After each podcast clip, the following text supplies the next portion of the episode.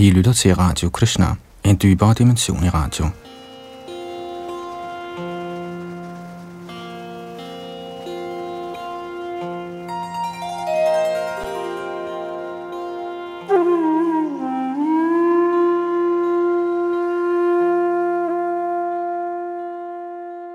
I vores løbende gennemgang af det fantastiske værk Srimad Bhagavat er vi i gang med 17. kapitel, hvor vi sidste gang sluttede ved tekst nummer 9.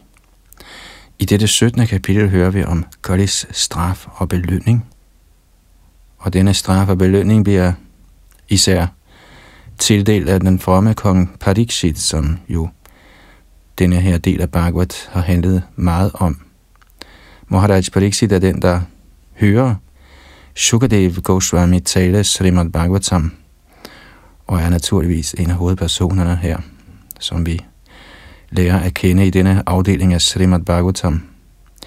Vi fortsætter i dag med tekst nummer 10 og fremad, og det er Yadunandan Das, der sidder bag mikrofon og teknik.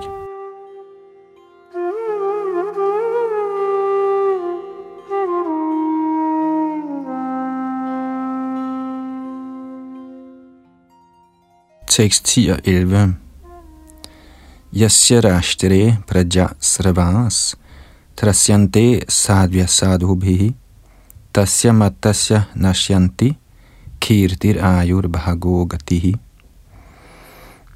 Isharajnyan parodharmo hyartana marti nigraha ata enang vadishyami bhuta druham asattamam O du kyske, den konge, i hvis stat alle slags fødte levende væsener må leve i frygt for skurkene, vil miste sit gode navn, sin levetid og sin næste gode fødsel. Det er i sandhed kongens forreste pligt at underkue de lidendes lidelser, og som så må jeg dræbe denne den usleste af mænd, da han er fjendtlig mod andre levende væsener. Hertil kommenterer A.C. Bhaktivedanta Swami Prabhupada. Når vilde dyr skaber problemer i en landsby eller større by, tager regeringspoliti skridt til at dræbe sådanne vilde dyr. Ligeledes er det regeringspligt straks at dræbe slette sociale elementer, såsom tyve, røver, mordere osv.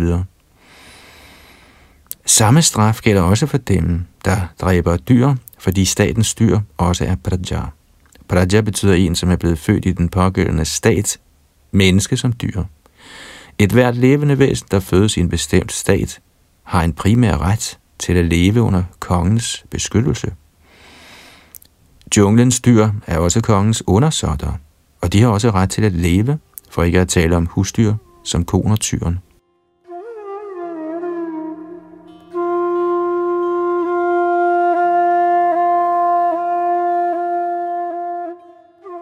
Et levende væsen, der skaber frygt for andre levende væsener, er den usleste af kongens undersåtter, og det påviler kongen straks at gøre det af med sådanne forstyrrende elementer.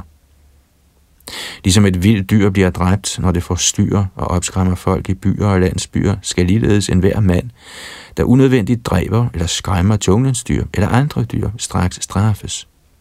Ved den højeste herres lov er alle levende væsener, uanset i hvad skikkelse de måtte være, herrens sønner – og ingen har ret til at dræbe et andet dyr, med mindre at dette er forordnet ved naturens lov. Tigeren kan dræbe et lavere dyr til sin opretholdelse, men et menneske har ikke lov til at slagte dyr til sin overlevelse. Det er Guds lov. Han har skabt den lov, at et levende væsen ernærer sig ved at spise et andet levende væsen. Som så lever også vegetarerne af at spise andre levende væsener. Derfor er loven den, at man kun må leve ved at spise de særlige levende væsener, man er bestemt til ved Guds lov. I Shupanishad giver den anvisning, at man må leve efter Herrens vejledning, og ikke uafhængigt efter for godt befindende.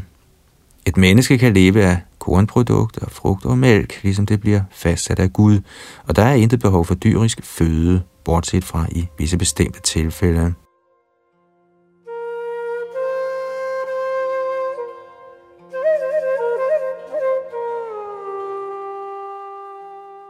den illusionsramte konge eller regent, der under tiden sågar opreklameres som en mægtig filosof og lært akademiker, tillader slagterier i staten uden nogen information om, at denne tortur af de stakkels dyr under snuden på statsoverhovedet vil sige en klaring af den lige vej til helvede for sådanne tåbelige konger eller regeringsledere. Statsoverhovedet må til enhver tid være opmærksom på pladjernes sikkerhed, både menneskers og dyrs, og forhører sig således, at der ingen steder er noget levende væsen, der bliver pint af et andet levende væsen. Det skyldige væsen må straks pågribes og straffes med døden, som eksemplificeret af Maharaj Parikshit. Folkets regering, eller en regering af folket, berettiger ikke pinsler af de uskyldige dyr efter sådanne tåbelige regeringsmænds for godt befindende. De må kende Guds love og regler, som disse bliver omtalt i de åbenbare skrifter. Maharaj Parikshit citerer her Guds lov om, at sådanne uansvarlige konger eller statsoverhoveder risikerer tabet af deres gode navn, levetid, magt og styrke, og endda sin fremadskridende march hen imod et bedre liv eller udfrielse efter døden. Sådanne tåbelige mænd tror endda ikke på det næste liv.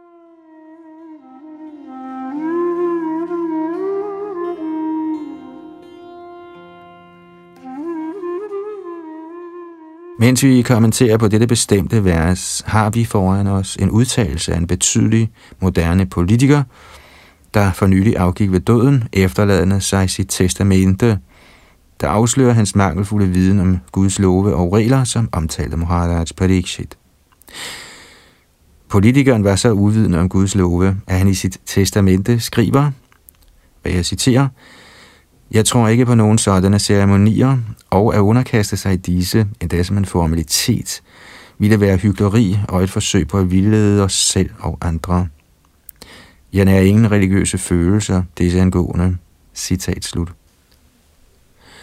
Når man kontrasterer disse udtalelser fra en stor politiker af moderne tid med det med Maharaj Pariksit, finder man en enorm forskel på den generelle situation.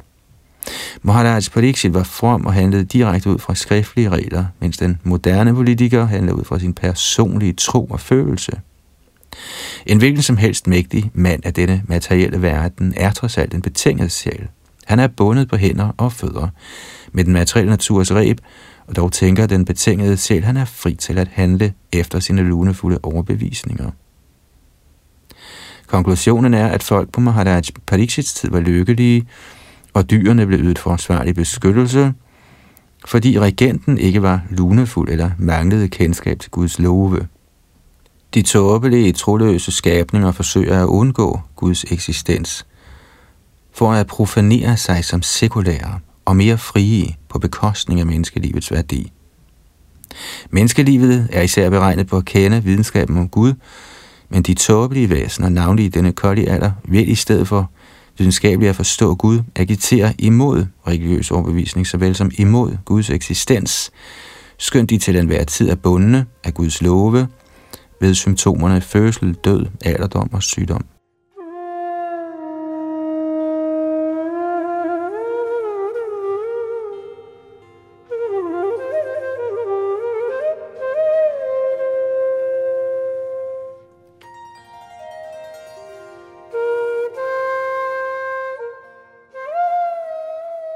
Tekst 12 Kovrischat tava padang strin saurabheya chatushpada ma bhuvangs tvadrisha rashtre rajnyang krishnanuvartinam Igen henvendt til tyren, spurgte han, O søn af Surabhi, hvem har hugget dine tre ben af? I de stater, hvor kongerne er lydige imod guddoms højeste person, Krishnas love, er der ingen, der kan være ulykkelig ligesom du. Kommentar.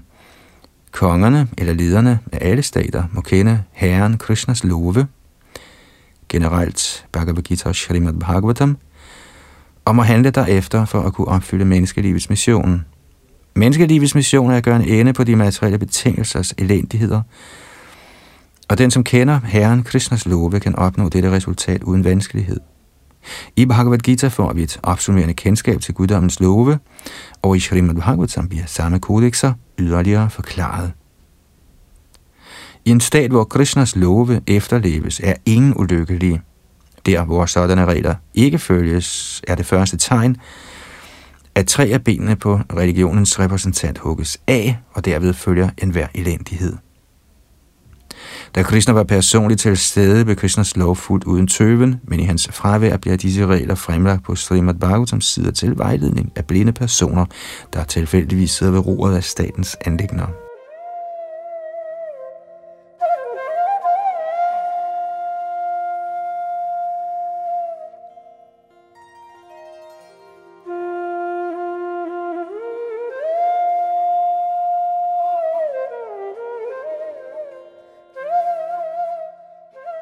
Tekst 13.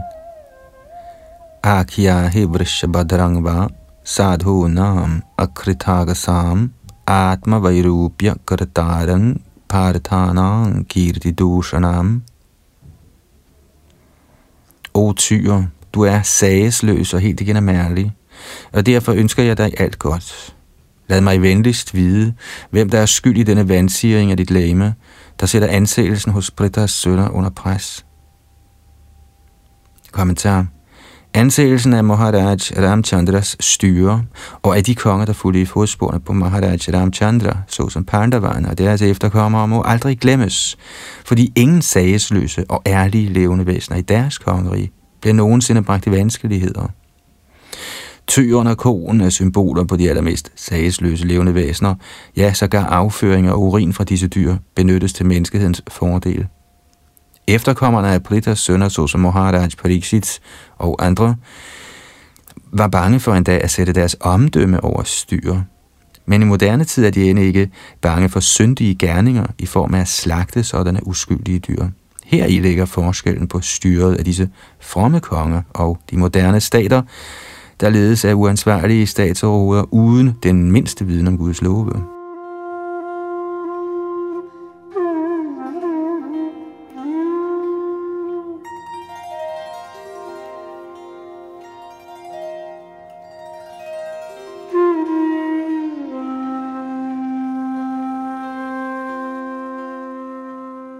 Tekst 14.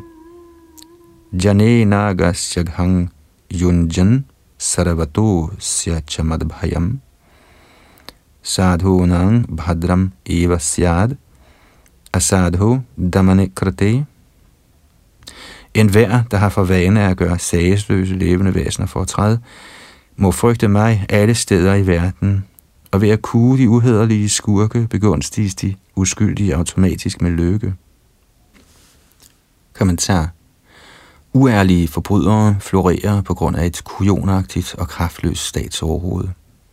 Men når et sådan statsoverhoved er stærkt nok til at underkue alle slags uærlige forbrydere i en hvilken som helst del af hans stat, kan de helt sikkert ikke florere i nogen længere tid. Når skurkene bliver afstraffet på eksemplarisk vis, følger automatisk al slags held og lykke over de uskyldige og sagesløse levende væsener, som før sagt er det kongens forreste pligt i enhver henseende at yde statens fredelige og uskyldige borgere beskyttelse. Herrens indgivende er af natur fredfyldte og uskyldige, og som så er det statens pligt at få enhver omvendt til at blive herrens indgivende, og således vil det automatisk kun være fuldstændig fredelige og ulastelige borgere i staten, og kongens eneste pligt vil være at underkue de uredelige skurke. Dette vil medføre fred og harmoni, over hele menneskesamfundet.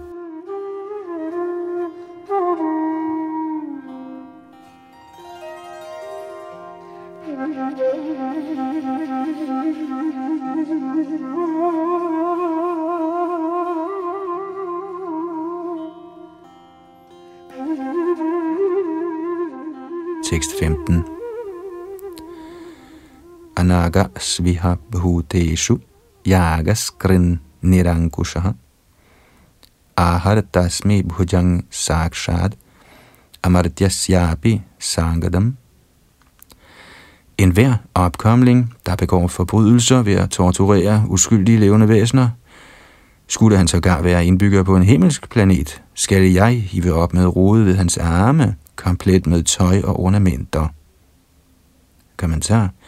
Himmerigets indbyggere kaldes for Amaraer, eller udødelige, fordi de nyder en lang levetid, der er meget længere end menneskenes. For mennesket, der kun lever i højst 100 år, er en levetid, der strækker sig over i hundredvis af millioner af år, så sandelig at betragte som udødelighed. For eksempel lærer vi i Bhagavad Gita, at en enkelt dag af levetiden på planeten Brahmalok beregnes til at være 4,3 millioner gange 1000 solår. Angående levetiden på andre himmelplaneter beregnes 6 jordiske måneder som tilsvarende en dag på de planeter. Og de opnår en levetid på 10.000 af deres egne år. Så på alle højere planeter er levetiden meget længere end menneskets, og indbyggerne kaldes for udødelige ifølge vor forestilling, selvom ingen i virkeligheden er udødelig inden for de materielle universer. Maharaj Pariksit udfordrede sågar disse himlens beboere, skulle nogen af dem begå ulovligheder, såsom at torturere de sagesløse. Dette vil sige, at lederen af staten må være lige så stærk som Maharaj Pariksit, sådan at han beslutsomt kan straffe selv de groveste forbrydere. Det må være et princip hos et statsoverhoved, at den, som forbryder sig imod Guds love, altid straffes.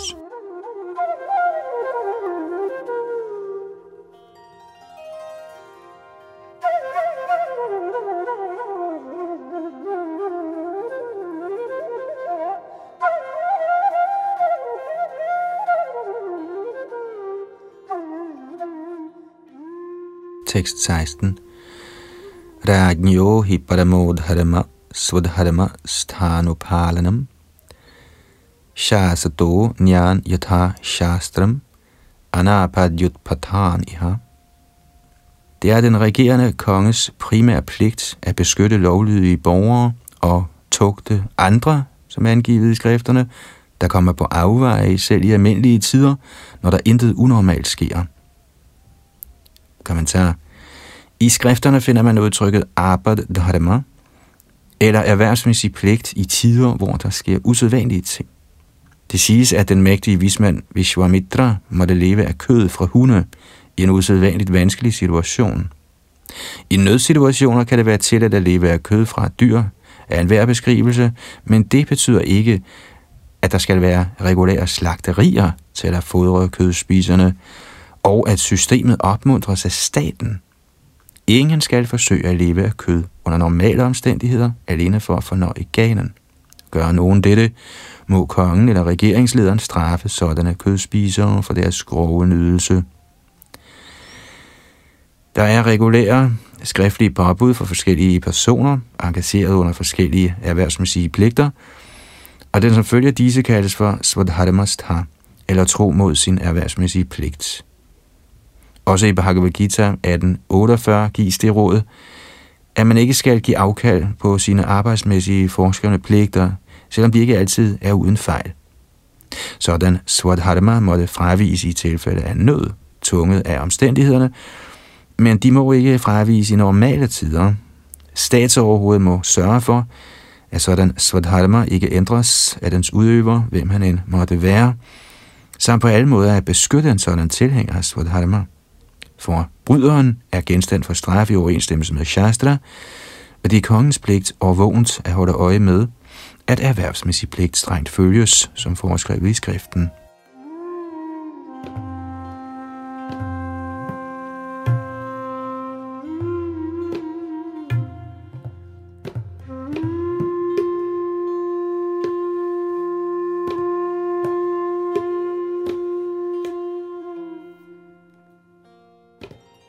17.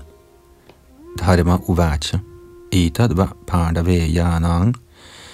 Yuktam artha bhayang vacha. Yeshang gunaganai krishno dautyadav bhagavan kritaha. Religionen i egen person sagde, alle disse ord, du har talt, passer sig netop for en person i Pandava-dynastiet, fordi selv Herren Krishna, guddoms person, befanget af deres hengivne kvaliteter og påtog sig i pligten som deres budbringer. Kommentar Maharaj Pariksits forsikringer og udfordringer var aldrig en overdrivelse af hans faktiske magt.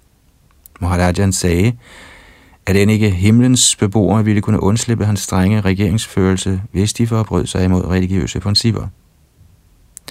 Han var ikke falsk stolt, selvom herrens indgivende under tiden er lige mægtig, eller sågar mægtigere end Herren ved hans nåde, og at hvert løfte en hengiven afgiver, om det så er vanskeligt at overholde, bliver behørigt udført ved Herrens nåde. Pandavarerne muliggjorde ved deres uforfalskede hengivne tjeneste og fuldstændige overgivelse til Herren, at Herren under tiden blev deres vognstyre eller deres budbringer til at viderebefordre deres breve. Disse herrens pligter mod sine hengivne er altid uhyre behagelige for herren. Fordi herren ønsker at yde tjeneste til sin uforfalskede hengivne, hvis livs eneste beskæftigelse er at tjene herren med fuldkommen kærlighed og hengivenhed. Maharaj Pariksit, sønnesøn af Arjun, herrens berømte venskabelige tjener, var netop en ren hengivende herren, ligesom sine bedstefædre, og derfor var herren altid med ham, helt tilbage fra tiden, da han lå hjælpeløs i sin mors mave og blev angrebet af Ashwatamas flammende Brahmastra våben. En hengiven står altid under herrens beskyttelse, og derfor kunne Muharraj Pariksits forsikring om beskyttelse aldrig være meningsløs. Religionen i egen person accepterede denne kendskærning og takkede således kongen for, at han var tro imod sin ophøjede stilling.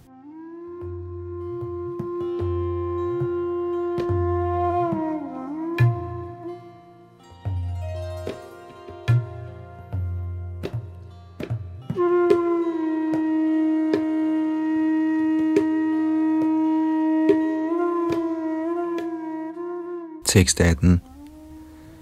Navayankaresha bijani purushar shabha purushang tang vijanimo vakya bheda vimohitaha. O du mægtigste af mennesker, det er uhyre vanskeligt at udpege den nøjagtige gerningsmand, der er skyld i vores lidelse, fordi vi er forvirret af forskellige meninger fra teoretiske filosofer. Kommentar der er mange teoretiske filosofer i verden, der har fremsat deres egne teorier om årsag og virkning, navnlig når det gælder årsagen til lidelse og dens effekt på de levende væsener. Generelt er der seks store filosofer, nemlig Ganada, forfatteren til Vaisheshik filosofi, Gautam, logikens forfatter, Patanjali, forfatteren til mystiske yoga, Kapil, forfatter til Sankhya-filosofi, Jaimini, forfatteren til Garma Mimamsa, samt Vyastev, der skrev Vedanta Darshan. Selvom tyren eller religionen i egen person og kon, jordens person, var på det rene med, at personen Kali var den direkte årsag til deres lidelse, var de som herrens indgivende også klare over, at ingen kunne gøre dem fortræd, uden herrens billigelse. Ifølge Padma Purana skyldes vores nuværende kvaler, at vores sønders frø bærer frugt, men selv disse frø til vores syndige gerninger vil gradvist fortone sig ved udførelsen af ren hengiven tjeneste. Som så vil de hengivne, selvom de skulle udsættes for den direkte gerningsmand, end ikke anklage ham for de lidelser, han har forårsaget. De går ud fra, at den direkte gerningsmand bliver tilskyndet dertil af en eller anden indirekte årsag, og derfor finder de sig i lidelsen med den tanke, at den tildeles af Gud i mindre doser, og at lidelsen ellers ville have været større, end den egentlig følte. Muharraj Pariksit ønskede at få deres vidneudsagn om den direkte gerningsmand, men de nægtede at gøre dette af oven nævnte grund. Spekulative filosofer anerkender dog ikke herrens billigelse, men forsøger på deres egen måde, som det vil blive beskrevet i de følgende vers, at finde årsagen til lidelse. Ifølge Srila Jiva Goswami er sådanne filosofer selv vildledt, og således kan de umuligt vide, at den endelige årsag til alle årsager er den højeste herre, guddommens person.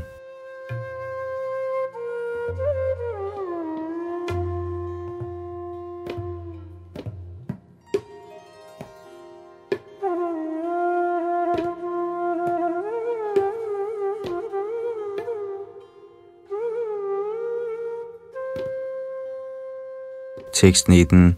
Kechid vikalpa vassana ahuratma namatmanaha daiva manye pare karma svabhavam apare prabhum. Nogle filosofer, der benægter enhver dualitet, hævder, at det er en selv, der er skyld i ens personlige lykke og lidelse. Andre siger, at overmenneskelige magter er årsagen, mens igen andre siger, at årsagen ligger i handlingen. Og den grove materialist siger, at naturen er den endelige årsag. Kommentar Oven omtalte filosofer såsom Jamini og hans tilhængere hævder, at frugtbærende handlingen er selve roden til alle sorger og glæder.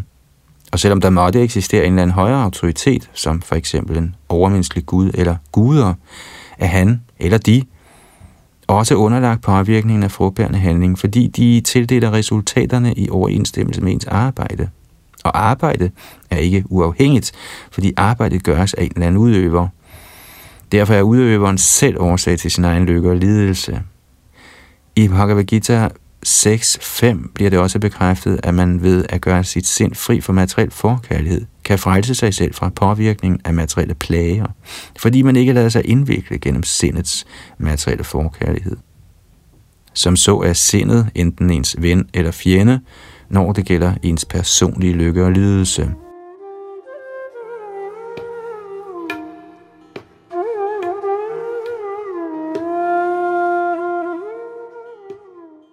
Ateister, såsom fortalerne for materialistisk Sankhya, peger på den materielle natur som roden til alle årsager. Ifølge dem er kombinationen af materielle elementer årsag til materiel lykke og lidelse, og opløsningen af materien er årsag til frihed fra alle materielle plager. Gautam og Kanat finder, at den atomiske kombination af altings årsag, og upersonlighedstilhængere som Ashtavakra udpeger Brahmans åndelige stråleglans som roden til alle årsager. Men i Bhagavad Gita erklærer Herren selv, at han er den bagvedliggende årsag, også til den upersonlige Brahman, og derfor er han, guddommens person, den endelige årsag til alle årsager. Det bliver til lige bekræftet i Brahma Samhita, at Herren Krishna er den endelige årsag til alle årsager.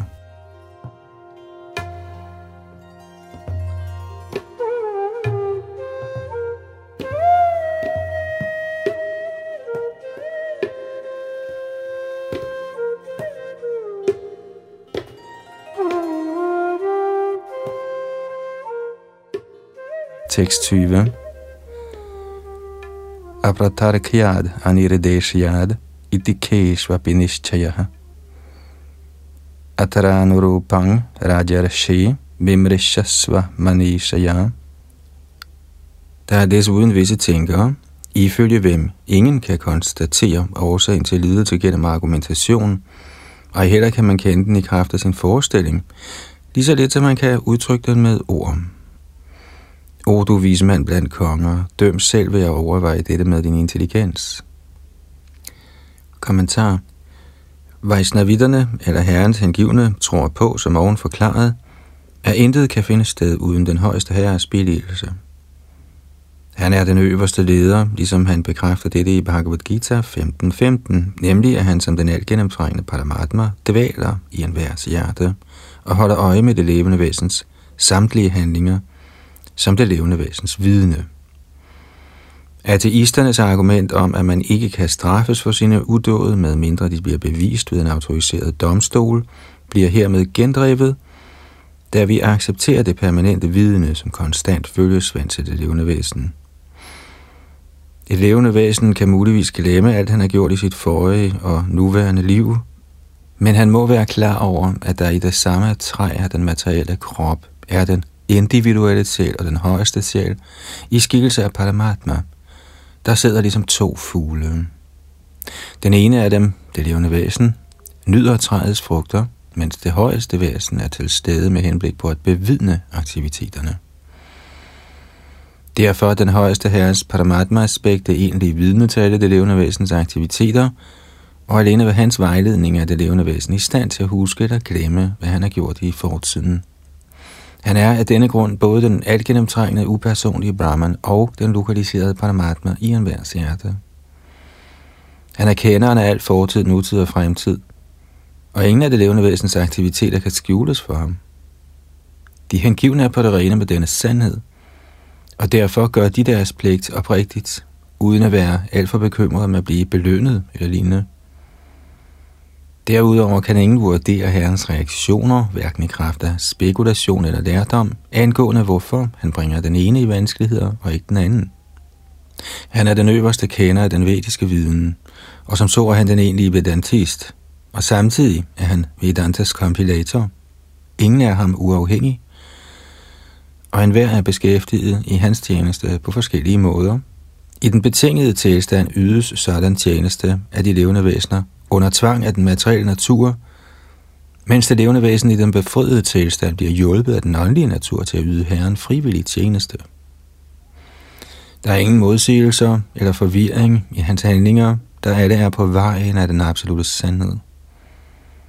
Bismadev vurderede korrekt hans ufattelige handlinger, som vi husker fra 9. kapitel. Konklusionen er derfor, at lidelserne hos repræsentanten for religiøsitet, samt dem hos jordens repræsentant, som de var til stede foran kongen, Muharaj Pariksit, var planlagt for at bevise, at Muharaj Pariksit var et ideal for statsoverhoveder, eftersom han var fuldstændig klar over, hvordan man yder beskyttelse til køerne, altså jorden, og braminerne, altså de religiøse principper, som er de to søjler af åndelig fremskridt i menneskesamfundet. Da enhver er under herrens fulde kontrol, er hans handling helt korrekt, når han ønsker at få noget udrettet af en uanset hensynet til den bestemte sag.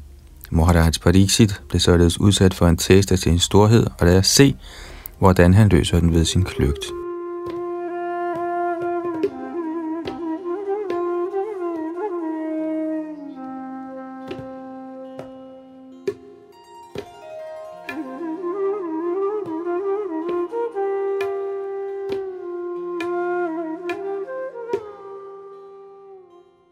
Tekst 21. Sutta Uvacha Evang dharme pravadati sasamrar dvija sattamaha samahitena manasa vikheda parya chashtatam.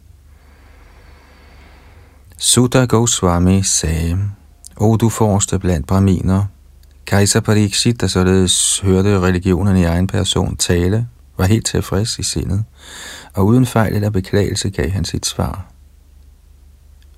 Kommentar efter udtalelsen fra tyren, religionen i en person, der var fuld af filosofi og kundskab, var kongen tilfreds i sindet, fordi han kunne forstå, at den nødstede tyr ikke var nogen almindelig af slagsen. Medmindre man er helt fortrolig med den højeste herres lov, kan man umuligt sige sådanne ting og berøre filosofiske sandheder. Kejseren, der selv befandt sig på samme niveau af klogskab, svarede præcist uden tvivl eller fejl.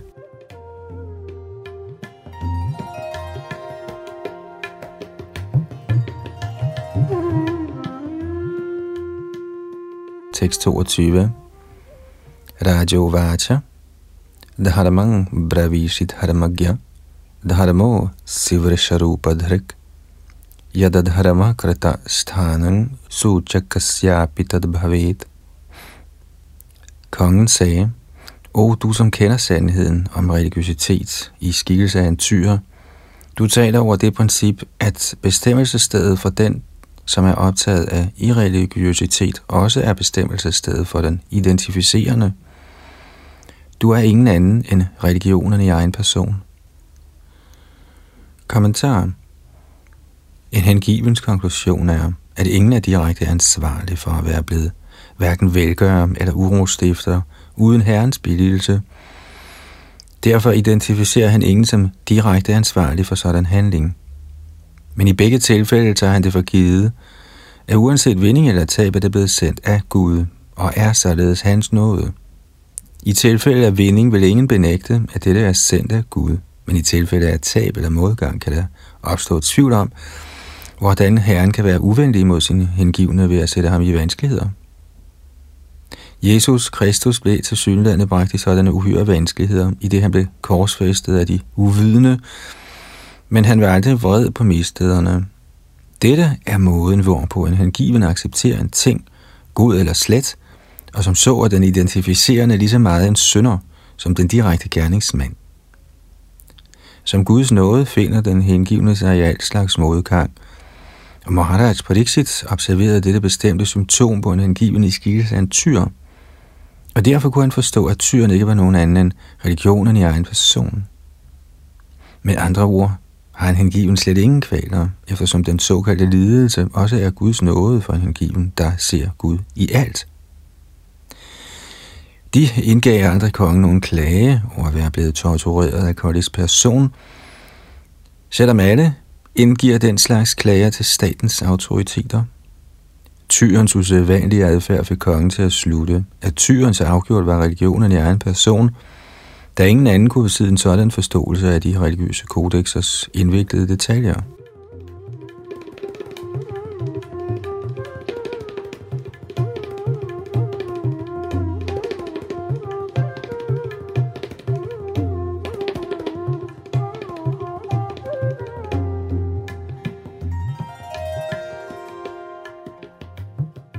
Tekst 23 Atava deva mayaya nunangatir agochara. Chetaso vachasas chapi bhutana mitinishchaya Alternativt bliver det konkluderet, at Herrens energier er ufattelige, og ingen er i stand til at anslå dem, hverken ved mental spekulation eller gennem ordkløveri. Kan man kunne spørge, hvorfor en hengiven skulle afholde sig fra udpege gerningsmanden, da han helt sikkert ved, at Herren er altings endelige udøver. Når man kender den endeligt ansvarlige, burde man ikke fremstille sig selv som uvidende om den faktiske gerningsmand. Svaret på denne tvivl er, at Herren heller ikke er direkte ansvarlig, fordi alting bliver gjort af hans fuldmægtige Maya Shakti eller den materielle energi. Den materielle energi skaber altid tvivl om Herrens øverste autoritet.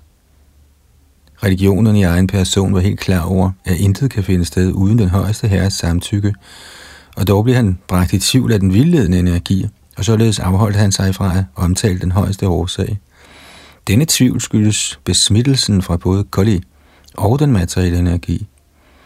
Hele atmosfæren i Kali-alderen bliver forstærket af den vildledende energi, og de relative proportioner kan ikke forklares af nogen.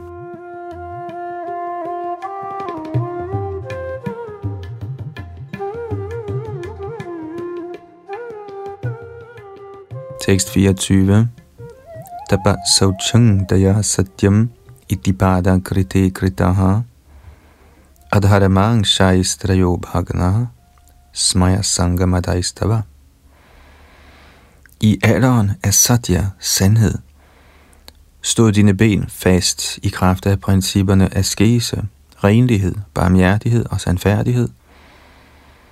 Men det ser ud til, at tre af dine ben er brækket på grund af hastigt stigende ugudeligheder, såsom hovmod, alt for stor forkærlighed for kvinder og vaner af beruselse. Kommentar Den vildledende energi eller materielle natur kan udøve sin indflydelse på det levende væsen proportionalt til, i hvor høj grad det levende væsen falder offer for Majas forvirrende tillokkelse. Majas forvirrende tillokkelse kan mere behørigt udtrykkes som lysets klarhed og natsværmernes fald. Natsværmerne bliver tiltrukket af det klare lys og falder således offer for ilden. Ligeledes lokker den forvirrende energi hele tiden de betingede sjæle til at falde offer for forvirringens ild, og de vediske skrifter anmoder de betingede sjæle om ikke at falde offer for illusionen, men i stedet at blive kvitt den. Vedderne giver os den advarsel, at vi ikke skal gå hen imod uvidenhedens mørke, men gå fremad på lysets vej. Herren selv giver til lige den advarsel, at den materielle energis vildledende kraft er for mægtig til at kunne overvindes, men at den, som helt overgiver sig til Herren, let kan gøre dette. Men at overgive sig til Herrens lotusfødder er heller ikke så let. Så den overgivelse lader sig gøre for personer, der har kultiveret transcendental kundskab, baseret på principperne af askese, renlighed, barmhjertighed og sandfærdighed. Disse en avanceret civilisations fire principper var fremtrædende træk i Satyas tidsalder. I den tidsalder var et hvert menneske praktisk talt kvalificeret som brahmin af højeste rang, og hvad angik livets samfundsmæssige ordner, var de alle paramahansaer, eller det forsagende livs bedste mænd. I kraft af kulturel standard var menneskene slet ikke tilbøjelige til at falde offer for den vildledende energi. Sådanne karakterfaste mænd var kompetente nok til at holde sig fra Majas kløer. Men gradvist i takt med, at den brahminske kulturs grundlæggende principper, nemlig askese, renlighed, barmhjertighed og sandfærdighed, blev beskåret proportional til udviklingen af hovmod, overdreven tilknytning til kvinder og vaner af beruselse hos den generelle befolkning, blev det tydeligt, at befrielsens vej eller vejen af transcendental lyksalighed blev mere og mere fjernet fra menneskesamfundet.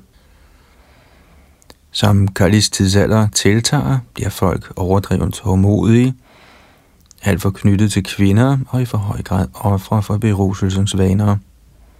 Ved Kalis påvirkning er selv en fattig mand stolt af sin skilling.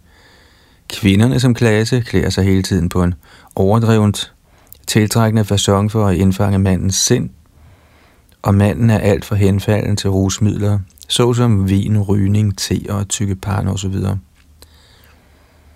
Alle disse vaner, eller såkaldte fremskridt i civilisationen, er roden til al irreligiøsitet, og af denne grund lader det sig ikke gøre at forhindre korruption, bestikkelse og nepotisme, som lederne ellers ønsker udryddet. I kan umuligt forhindre disse samfundets under gennem lovbefalet politiovervågenhed. I må kurere sindets sygdom med den korrekte medicin, nemlig at udbrede den braminske kulturs principper eller principperne af askese, renlighed, barmhjertighed og sandfærdighed. Den moderne civilisation af økonomisk udvikling skaber en ny situation af fattigdom og knaphed med det resultat, at kunderne bliver afpresset. Men hvis samfundets velstående mænd nådigst ville bruge 50% af deres ophobede velstand på den vildledte menneskemasse og uddanne dem i gudsbevidsthed eller i kundskab om Bhagavatam, vil tidsalderen helt sikkert blive overvundet i sit forsøg på at indfange den betingede sjæl til at falde offer for kardialderen.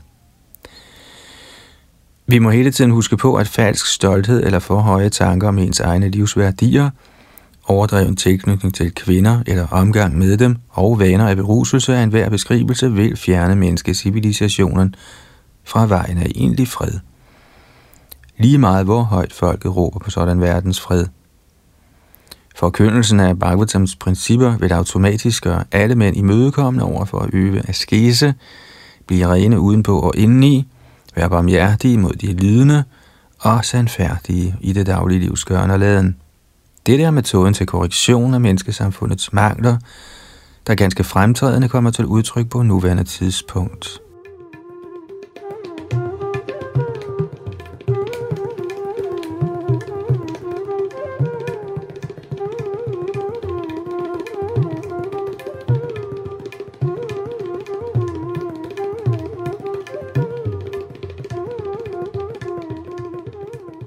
Tekst 25. Idaning dharmapadas te satyang nirvartayedyataha tang jigrik satyadharmo yam anrite naidhita karihi. Du står kun på et ben i kraft af din endnu eksisterende sandfærdighed, og du humper dig frem på en eller anden måde, men denne personificerede strid, der florerer ved falske repræsentationer, forsøger også at fjerne dette. Kommentar Religionens principper hviler ikke på dogmer af en eller anden art eller på menneskeskabte formler, men de hviler på overholdelse af fire primære principper, nemlig askese, renlighed, barmhjertighed og sandfærdighed. Menneskemasserne må uddannes til at praktisere disse helt fra barndommen af. Askese vil sige at påtage sig frivillige ting, der måske ikke er særlig behagelige for kroppen, men som bidrager til åndelig indsigt. Tag for eksempel faste. At faste to eller fire gange månedligt er en type selvtug, man frivilligt kan acceptere alene med henblik på åndelig indsigt, og ikke af andre kroner, såsom politiske eller andet. Faste, der ikke er tiltænkt selvindsigt, men andre yderliggående formål, bliver fordømt i Bhagavad Gita 1756.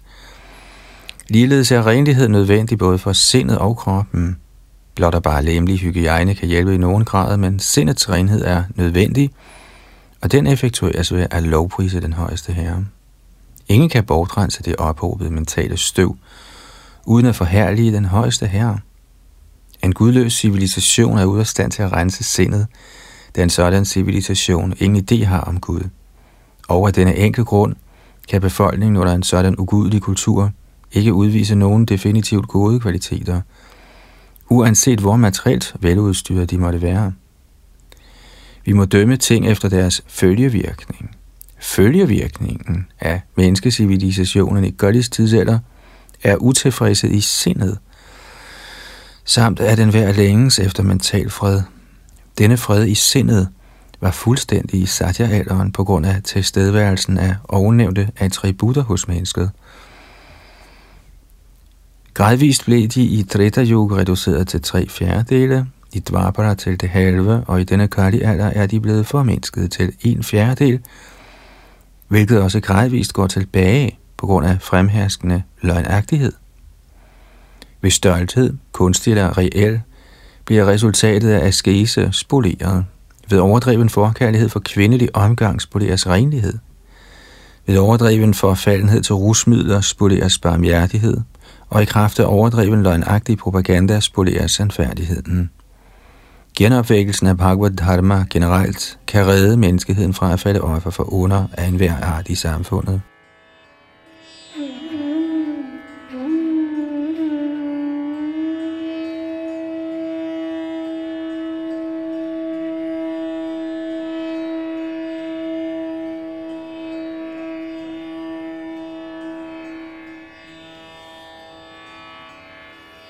Tekst 26 Yang Chabhumir Bhagavata Nyasitoru Bhara Sati. Shri Bhis Tatpada Nyasai Sarvata Krita Kautuka. Ved guddommens person blev den byrde, der tyngede klodens overflade, helt sikkert lettet, både af ham selv og andre, som han tilskyndede, og da han var til stede som inkarnation, blev alt omfattende lykke behørigt bevirket ved bevægelsen af hans lovende fodspor. Tekst 27 Sochatta Shrukala Sadhavi Durbhage Vojita Sati Abrahmanya Nripa Vyaja Shudra Vokshanti Mamiti Nu står hun, den kyske, der som den mest heldige er blevet forladt af guddommens person, med tårer i øjnene og sørger over sin fremtid, hvor hun vil beherskes og nydes af den lavere klasse af mænd, der optræder som herskere. Kommentar. Det er meningen, at kshatriyan, eller den mand, der er kvalificeret til at beskytte de lidende, skal regere over staten. Utrænede mænd af lav klasse – uden nogen højere ambition om at beskytte de lidende, kan ikke indsættes på posten som administrator. Desværre, i Kali Yuga vil mænd af lav klasse uden træning i beskyttelse af de lidende besætte posten som hersker i kraft af folkets stemmer, og i stedet for at beskytte de lidende, skaber disse lave mænd en situation, der er ganske udholdelig for enhver. Sådanne herskere vil på ulovlig vis tilfredsstille sig selv på bekostning af borgernes komfort på alle måder, og således vil den kyske moder jord græde over at se den ynkelige tilstand hos hendes sønner, både mennesker og dyr. Dette er fremtiden for verden i Kalis tidsalder, hvor i religiøsiteten er ovenud fremherskende, og i fraværet af en passende konge til at underkue i religiøse tendenser hos menneskene generelt, vil en systematisk propaganda til uddannelse af den generelle befolkning i Srimad Bhagavatams lære forjage den tågede atmosfære af korruption, bestikkelse, afpresning og så mange andre ting.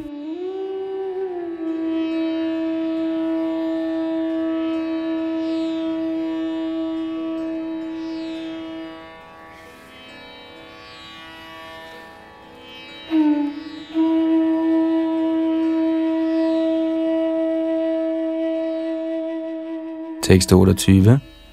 I mang mahing chaiva Santvayitva Maharataha Nishatam Adade Kardigang Karaye Dharmahitave Da Maharaj Pariksit, der ene mand var i stand til at kæmpe imod i tusindvis af fjender, havde trøstet religionen i egen person til lige med jorden, hævede han sit skarpe svær for at dræbe den læmeliggjorte Kali, der er roden til al irreligiøsitet. Kommentar som oven beskrevet er Kalis person han, som med overlæg begår al slags syndig handling, der er forbudt i de åbenbare skrifter. Denne Kalis tidsalder vil i sandhed præges af Kalis aktiviteter, men det betyder ikke, at samfundets ledere, statsoverhovederne, den lærte og intelligente klasse af mænd, eller frem for alt herrens angivne, skal sætte sig med hænderne i skødet og blive ligegyldige over for Goliathens reaktioner – i regntiden kommer der med sikkerhed voldsomme regnskyld, men det betyder ikke, at menneskene ikke skal tage skridt til at beskytte sig imod regnen.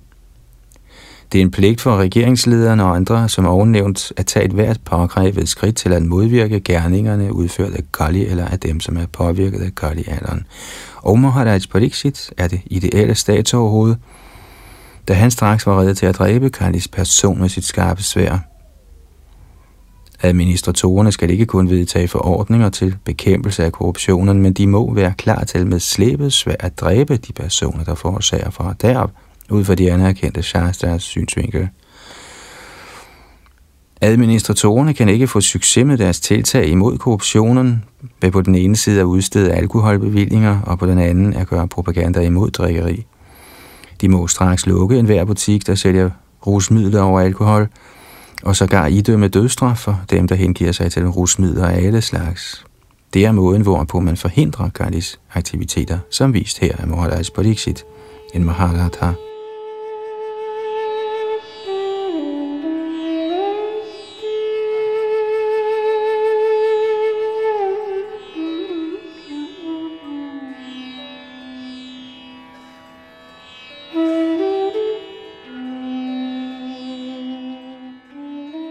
Tekst 29. Tang jighang sum abhipretya vihayan ripadanchanam tatpada mulang shirasa samagad bhayavi varaha.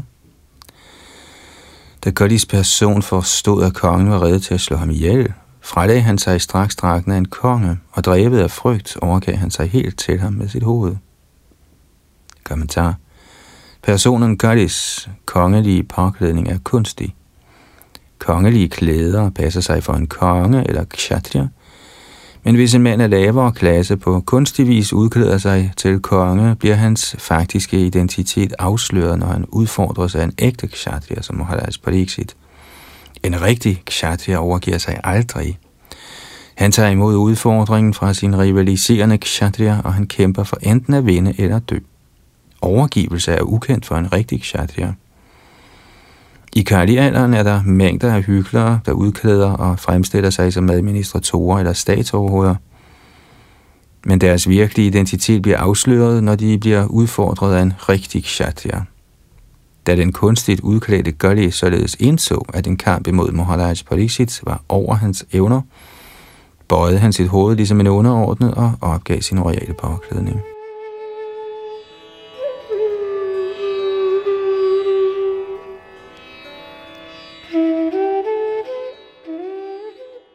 Tekst 30. Patitang padayor vira krippaya dina vatsalaha. Sharanyo navadichlokya aha chedang hasaniva. Maharaj Pariksit, der var kvalificeret til at acceptere overgivelse og værdig til at blive lovsunget i historien, ihjel slog ikke den stakkels nedbøjede Goli, men talte med et smil, medfølende som han var over for de sølle. Kommentar.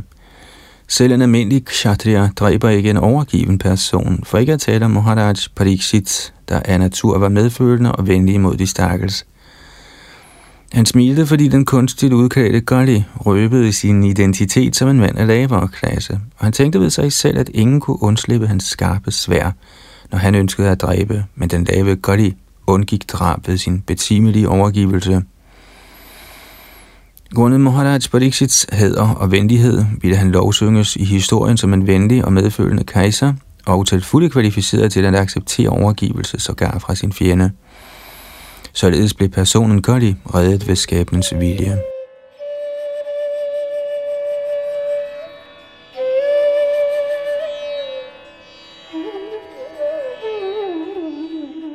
Tekst 31 Rajo Vacha Nati Gudakesha Yashodharanang Badhanjalirvai Bhayamasti Kinchit Navartitavyang Bhatava Katanchana Kshetre Madiye Tvamadharama Bandhu Vi har arvet Arjunas berømmelse, og fordi du således har overgivet dig med foldede hænder, skal du på ingen måde frygte for dit liv, men du kan ikke blive i mit kongerige, da du er ven af i religiøsitet. Kommentar. Kali i egen person, der er ven af al slags irreligiøsitet, kan blive undskyldt, hvis han overgiver sig. Men under ingen omstændigheder kan han tillades at bosætte sig som borger i nogen del af en velfærdsstat. Pandavarerne var betroede repræsentanter for guddoms person, herren Krishna, der praktisk talt forårsagede Kurukshetras slag, men ikke ud af nogen personlig interesse. Han ville, at en ideel konge som Maharaj Yudhishthir og hans efterkommere, såsom Maharaj Pariksit, skulle regere over verden, og derfor kunne en ansvarlig konge som Maharaj Pariksit ikke tillade, at irreligiøsitetens tilhængere florerede i kongeriget på bekostning af Pandavarnas gode navn. Sådan udrydder man korruption i staten, og ikke på anden vis. I religiøsitetens venner må bandlyses fra staten, og dette vil redde staten fra korruptionen.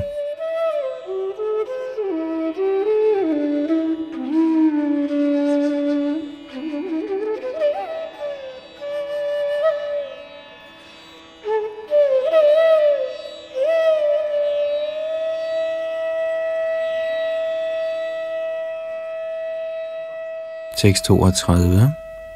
Tvang vartamanang naradeva dehe svanu pravritto yamadharamapuga Lobho nitang chauryam anaryamangho jeshtha chamaya kalashchadambha Hvis Kali i egen person eller i religiøsiteten tillades at handle som menneskegud eller statsoverhoved, vil så sande de hele rækken af irreligiøsitet såsom grådighed, falskhed, rapseri, uhøflighed, forræderi, ulykke, bedrageri, strid og forfængelighed udbrød sig i befolkningen.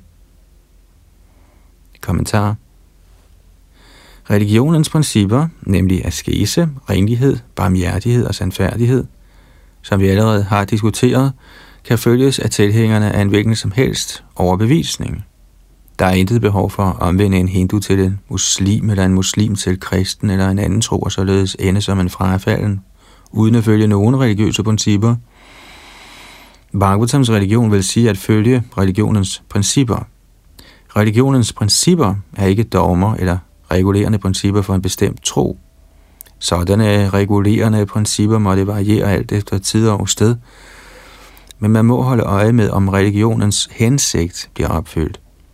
At holde fast i dogmer og formler uden at opnå de faktiske principper har ingen værdi.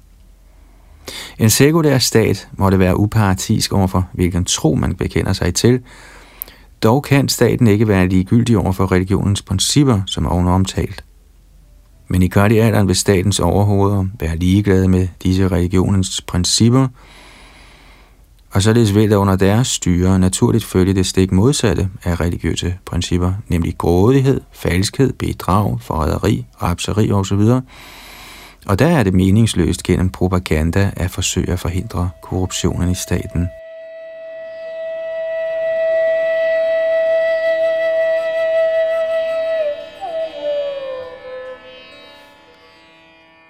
Det var så tekst nummer 32 her i Srimad Bhagavatams første bogs 17. kapitel, der omhandler Kalis straf og belønning.